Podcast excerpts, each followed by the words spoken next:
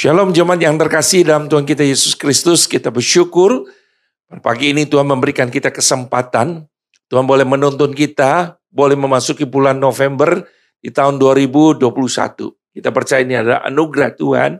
Dan sudah sebentar lagi kita mengingat kembali akan kedatangan Tuhan yang pertama ke dalam dunia ini.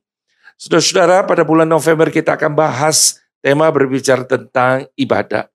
Sebabnya sudah minggu pertama kita akan bahas satu tema yaitu tentang the supreme call, bicara tentang panggilan tertinggi untuk orang-orang percaya. So itu sebabnya kita minta pimpinan Tuhan sebelum kita membaca dan merenungkan firman Tuhan. Tuhan Yesus pada saat ini kami ingin membaca merenungkan firman Tuhan. Berbicara kepada kami pakai hambamu Tuhan dalam segala keterbatasannya. Tuhan kiranya menerjemahkan firman-Mu di dalam bahasa dapat dimengerti oleh setiap kami. Kuasai hati dan pikiran kami, pendengaran kami, sarana kami pakai Tuhan. Agar kami Tuhan boleh menjadi pelaku firman Tuhan. Kami bersyukur Tuhan, kami percaya di mana kami berada. Tuhan kau hadir dan Tuhan berbicara kepada kami. Dalam namamu Tuhan kami Yesus Kristus kami berdoa dan mengucap syukur. Amin. Bapak Ibu, saudara-saudara saya kasih ada dua bagian firman Tuhan pada pagi ini yang akan kita renungkan. Yang pertama dari perjanjian lama, kita akan perhatikan keluaran 8 ayat yang pertama. Keluaran 8 ayat yang pertama. Demikian bunyi firman Tuhan. Berfirmanlah Tuhan kepada Musa, pergilah menghadap Fir'aun, dan katakanlah kepadanya, bagilah firman Tuhan, biarkanlah umatku pergi supaya mereka beribadah kepadaku. Sudah bagian yang kedua, kita ambil dari perjanjian baru yaitu Matius pasal 4 ayat yang ke-10. Saudara ini Nats berbicara bagaimana Tuhan Yesus dibawa untuk dicobai oleh iblis. Saudara, di dalam ayat yang ke-10 setelah Tuhan Yesus menang atas segala cobaan ini, maka berkata Yesus kepadanya, itu kepada iblis. Enyahlah iblis, sebab ada tertulis, kau harus menyembah Tuhan Alamu, dan hanya kepada dia sajalah engkau berbakti. Saudara yang saya kasih dalam Tuhan kita Yesus Kristus, masalah terbesar di dalam diri manusia sejak awal, itu ada masalah tentang eksistensinya atau masalah tentang keberadaannya. Sudah manusia pertama jatuh dalam dosa karena iblis berhasil itu memprovokasi dan berhasil menyerang titik kelemahannya. Dalam kejadian 3, 4 sampai 5, iblis ular berkata demikian, sekali-kali kamu tidak akan mati ya jika kamu makan tentu buah pengetahuan yang Allah larang itu. Tetapi Allah mengetahui bahwa pada waktu kamu memakannya, matamu akan terbuka dan kamu akan menjadi seperti Allah tahu tentang yang baik dan yang jahat. Sudah saat manusia mendengar kalimat ini, matamu akan terbuka dan kamu akan menjadi seperti Allah. Ya lupa saudara bahwa ia adalah ciptaan yang terbatas yang ditempatkan di dalam dunia ini dan Allah punya rencana. Ya tidak lagi menjadi seperti apa yang Allah inginkan, tetapi ya, ingin menjadi seperti apa yang dia inginkan. Ini berbeda saudara-saudara. Saudara-saudara, ketidaktahuan tujuan Allah dalam menciptakan dan menebus kita ini adalah sebuah tragedi yang terbesar dalam hidup kita. Saudara Tuhan menebus hidup kita bukan dengan barang yang fana. Tentu sebentar lagi kita ikut dalam perjamuan kudus ini. Bukan dengan emas dan perak firman Tuhan katakan. Tapi dengan darah anak domba dan tentu saudara ada alasannya yang jelas.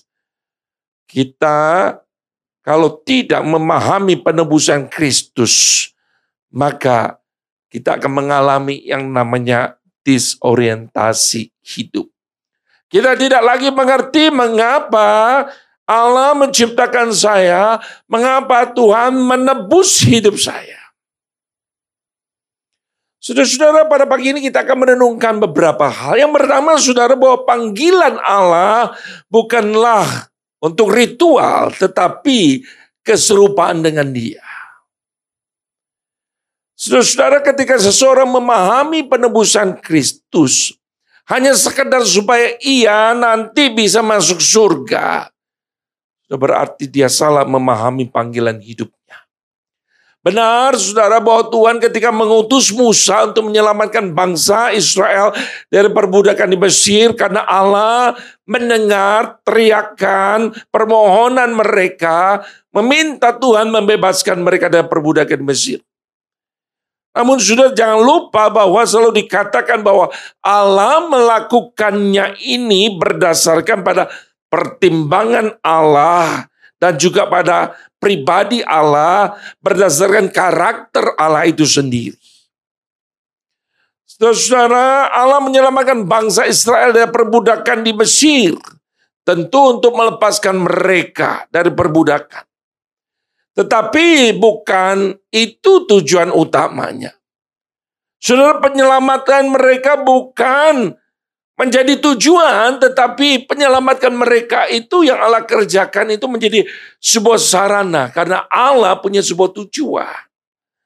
Berulang-ulang Allah berkata kepada Musa kalau kita perhatikan Tadi kita lihat dalam keluaran masa 8 ayat pertama. Ada lagi pasal 9 ayat yang pertama. Lalu kemudian kita bisa melihat berapa ayat-ayat berikutnya. Tuhan selalu berkata begini kepada Musa. Katakanlah kepada Fir'aun beginilah firman Tuhan. Biarkanlah umatku pergi supaya mereka beribadah kepadaku. Melalui Musa Tuhan berkata kepada Fir'aun, biarkan umatku pergi, lepaskan mereka. Saya ingin membebaskan mereka. Supaya apa? Supaya mereka bisa beribadah kepadaku. So, itu sebabnya maka John M. Frame, profesor dari Westminster Theological Seminary Philadelphia, berkata bahwa redemption is the mean, worship is the goal. Sudah penebusan itu adalah sebuah sarana, ibadah itu adalah tujuan. Sudah Tuhan adalah Allah yang berdaulat penuh atas hidup kita. Itu sebabnya segala sesuatu dari dia, melalui dia, lalu kemudian untuk dia. Sudah ketika Paulus berkata bahwa kita adalah surat Kristus, yang terbuka, yang dibaca oleh semua orang, berarti hidup kita ada sebuah cerita tentang Kristus, bukan cerita tentang kita. Anak yang sulung, dalam perumpamaan anak yang hilang, ada sebuah gambaran disorientasi hidup. Meskipun dekat dengan Bapak, namun fokus dari anak ini, saudara, hanya untuk dirinya sendiri. Kisah ini sangat terlihat dari bagaimana cerita dia berulang-ulang selalu menonjolkan aku dan merasa dirinya itu lebih baik dan justru dia menghina perbuatan justru jahat yang dilakukan oleh adiknya. Hati-hati sudah ketika kita sudah merasa memang lebih baik daripada orang lain. Rasul Paulus berkata di dalam 1 Korintus 10 ayat 12, sebab siapa menyangka bahwa ia teguh berdiri, hati-hati supaya ia jangan jatuh. Firman Tuhan dengan jelas mengajarkan kepada kita bagaimana kita bisa membedakan orang yang mengalami dewasa rohani yang sebenarnya dengan yang palsu. Semakin dewasa seseorang, semakin orang itu rendah hati. Semakin ia tahu diri, semakin ia merasa tidak layak. Semakin ia mengenal Kristus, Paulus semakin menyadari, saudara, bahwa ia adalah orang yang paling berdosa dalam 1 Timotius pasal 1 ayat 16. Semakin ia mengetahui kebenaran, semakin ia merasa bahwa ia paling hina dari semua rasul bahkan tidak layak disebut rasul karena ia telah menganiaya jemaat Allah. Saudara-saudara, jangan salah paham memahami keinginan Allah agar kita beribadah kepadanya hanya dalam pengertian kebaktian atau ritual agama. Bangsa Israel memahami ibadah hanya sekedar sebuah ritual agama. Padahal Allah ingin umatnya ini mengerti bahwa ibadah itu adalah sebuah pengakuan dan penahlukan, penundukan diri mereka secara total kepada Allah. Jadi fokus dari ibadah bukan pada penyembahnya, tetapi yang disembah. Perhatikan. Fokus ibadah adalah perkenanan Tuhan. Allah berkenan sejauh kita berusaha hidup serupa dengan dia. Itu sebabnya panggilan utama kita bukan menjalankan ritual agama, tapi justru serupa dengan dia. Di dalam katekismus besar dari Westminster tahun 1647, dikatakan bahwa tujuan utama dan tertinggi manusia ialah memuliakan Allah dan bersuka cita di dalam dia untuk selama-lamanya. Saudara-saudara, jelas man chief end is to glorify God and to enjoy Him forever. Saudara, apa itu kemuliaan Allah? John Piper berkata bahwa the glory of God is the holiness of God put on display. Kekudusan Allah itu atau kemuliaan Allah adalah kekudusan Allah yang diperlihatkan. Surya Yesaya pasal 6 menjelaskan kebenaran ini pada saat dia ada di bait Allah. Yang melihat Tuhan duduk di atas tata yang tinggi dan menjulang ujung jubahnya memenuhi bait suci. Ayat yang ketiga dikatakan bahwa para serafi itu berseru seorang kepada yang lain sambil berkata, Kudus, kudus, kuduslah Tuhan semesta alam. Seluruh bumi penuh kemuliaannya.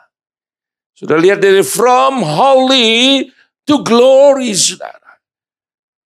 Sudah-sudah ketika kekudusan Allah memenuhi bumi, berarti kemuliaan Allah dinyatakan. Itu sebabnya maka John Piper berkata, when the holiness of God fill the earth for people to see, it is called glory. Kudusan bukan usaha untuk memperoleh keselamatan, tetapi kekudusan adalah tanda orang yang sudah diselamatkan oleh Tuhan.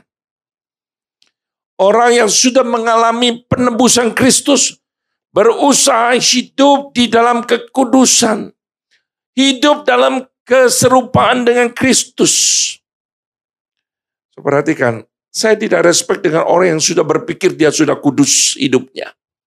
Tapi saya respect pada orang yang berjuang di dalam perjuangan hidupnya supaya dia boleh semakin serupa dengan Tuhan.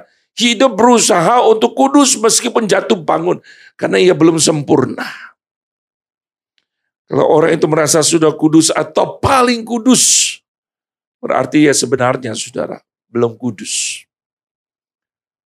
Saudara kita mohon anugerah dan pertolongan Tuhan. Saudara yang kedua, panggilan utama kita adalah mengasihi dan menghormati Allah. Saudara seorang tokoh yang namanya Soren Kierkegaard pernah menceritakan sebuah kisah yang menarik. Dan seorang pemuda barat, dia pergi ke China dan bertemu dengan seorang pemudi di sana, mereka saling jatuh cinta. Namun pemuda barat itu harus pulang ke negerinya. Dia berjanji saudara belajar bahasa Mandarin supaya bisa tulis surat pada waktu itu tentunya surat cinta kepada orang yang dia kasihinya. Sudah pemuda itu sungguh-sungguh serius. Dia belajar bahasa Mandarin sampai ke universitas. Setelah lulus, ya sibuk mengajar dan lebih mencintai profesinya. Ya lupa pada wanita yang ia pernah cintai. Ya berhasil melakukan apa yang wanita itu inginkan, tapi ia gagal, saudara, mencintai pribadi yang mencintai dia. Saudara panggilan utama kita bukan maaf, quote unquote, mencintai pekerjaan Tuhan. Walaupun itu penting. Perhatikan, jangan salah paham dengan kalimat saya. Panggilan utama kita adalah mencintai Allah dan menghormati Allah. Mencintai pekerjaan Allah otomatis mengikuti jika yang pertama sudah terjadi. Itu sebabnya Tuhan Yesus berkata hukum yang terutama dan yang pertama adalah kasihilah Tuhan Allahmu dengan segenap hatimu, dengan segenap jiwamu dan segenap kekuatanmu. Engkau mengasihi Allah, mungkin akan mencintai, pasti engkau akan mencintai pekerjaan Allah. Sudah itu sebab John Ephraim berkata bahwa worship, ibadah itu adalah honoring someone superior to ourselves. It is therefore not pleasing ourselves, but pleasing someone else. Saudara, ketika kita menghormati Allah, saudara-saudara, menyenangkan Allah, berkenankan Tuhan, kita menaruh hormat kepada Allah. Kita sudah beribadah kepada Tuhan. Jika rasa hormat kita tidak ada lagi pada Tuhan, maka jangan pernah kita berkata bahwa kita itu mencintai Tuhan. Dan Malayaki pasal pertama ayat yang ke-6 Tuhan menegur bangsa Israel dan para imam dengan sangat keras. Tuhan berkata seorang anak menghormati bapaknya dan seorang hamba menghormati tuannya. Jika aku ini bapa, di mana hormat yang kepadaku itu? Jika aku ini tuan, di manakah takut yang kepadaku itu. Hormat itu saudara tercermin dengan sikap dan kelakuan kita. Bagaimana keserius kita dalam merespon panggilan Tuhan untuk beribadah kepadanya. Bagaimana sikap kita mempersiapkan diri ketika kita menghadap Allah. Salah satu ujian keseriusan hormat kita kepadanya ditentukan dengan seberapa seriusnya kita mengalokasikan waktu kita, apa yang kita punya, saudara, untuk dia, saudara. Yang kita tahu bahwa sebenarnya kita tidak pernah memilikinya, itu adalah sebuah titipan, tetapi kemudian Tuhan ingin menguji seberapa serius kita mencintai Tuhan, seberapa kita serius menghormati Tuhan, saudara. Seberapa serius ketika kita datang menghadap dia. Jika kita menghadap pejabat negara, kita harus rapi. Tidak boleh terlambat, harus serius, sungguh-sungguh, naruh rasa hormat. Bagaimana kita menghadap pribadi yang agung dan mulia. Benar, saudara-saudara Allah tidak butuh uang kita. Karena ia sumber segalanya. Namun mengapa Allah itu seakan-akan mau menerima persembahan kita dalam ibadah. Saudara Allah ingin melihat seberapa seriusnya kita terhadap dia. Saudara kita tidak akan korbankan apa yang kita anggap terpenting. Kalau uang kita anggap yang terpenting, maka sulit bagi kita untuk memberikan uang untuk pekerjaan Tuhan. Jelas. Bilang kamu nggak bisa beribadah pada satu Tuhan dan satu lagi Mamun. Nggak bisa.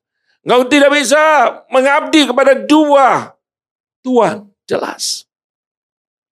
Saudara-saudara, kalau engkau merasa bahwa prestasimu itu lebih penting, proyekmu lebih penting, saudara. Maka pasti Tuhan itu nomor dua.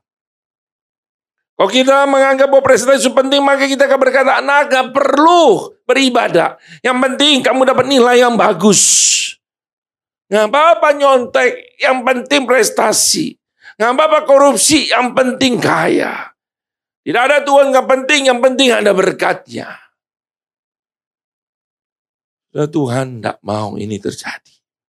Di dalam Mazmur pasal 50 ayat 7 seterusnya Tuhan berkata, Dengarlah hai umatku, aku hendak berfirman hai Israel, aku hendak bersaksi terhadap kamu, Akulah Allah Allahmu. Lalu ayat 9 dia berkata, tidak usah aku mengambil lembu dari rumahmu atau kambing jantan dari kandangmu. Sebab punyakulah segala binatang hutan dan beribu-ribu hewan di gunung. Aku kenal segala burung di udara. Dan apa yang bergerak di padang adalah dalam kekuasaanku. Jika aku lapar, tidak usah ku katakan kepadamu, Sebab punya punyakulah dunia dan segala isinya. Saudara, Tuhan betul-betul menyatakan siapa dirinya. Punya Punyakulah dunia dan segala isinya. Surah Mazmur 50 ini adalah sebuah Mazmur nabian yang menegur tindakan umat Tuhan dalam beribadah. Mazmur ini mulai dengan sebuah kalimat yang maha. Tuhan Allah berfirman dan memanggil bumi dari terbitnya matahari sampai kepada terbenamnya. Saudara Mazmur memperkenalkan seluruh umatnya siapa Tuhan yang kita sembah. Ya adalah Allah yang maha kuasa, yang berdaulat penuh Bukan saja atas wilayah, tapi juga seluruh waktu. Mazmur ini sudah berisi teguran. Teguran apa? Karena mereka memahami tujuan hidup mereka yang salah. Ibadah dalam pengertian yang keliru. Salah satunya di dalam ayat 22 Tuhan menegur demikian. Perhatikan ini, hai kamu yang melupakan Tuhan Allah supaya jangan aku menerkam dan tidak ada yang melepaskan. Berkata, kalau mungkin yang lain menerkam, Tuhan bisa menolong kita melepaskan.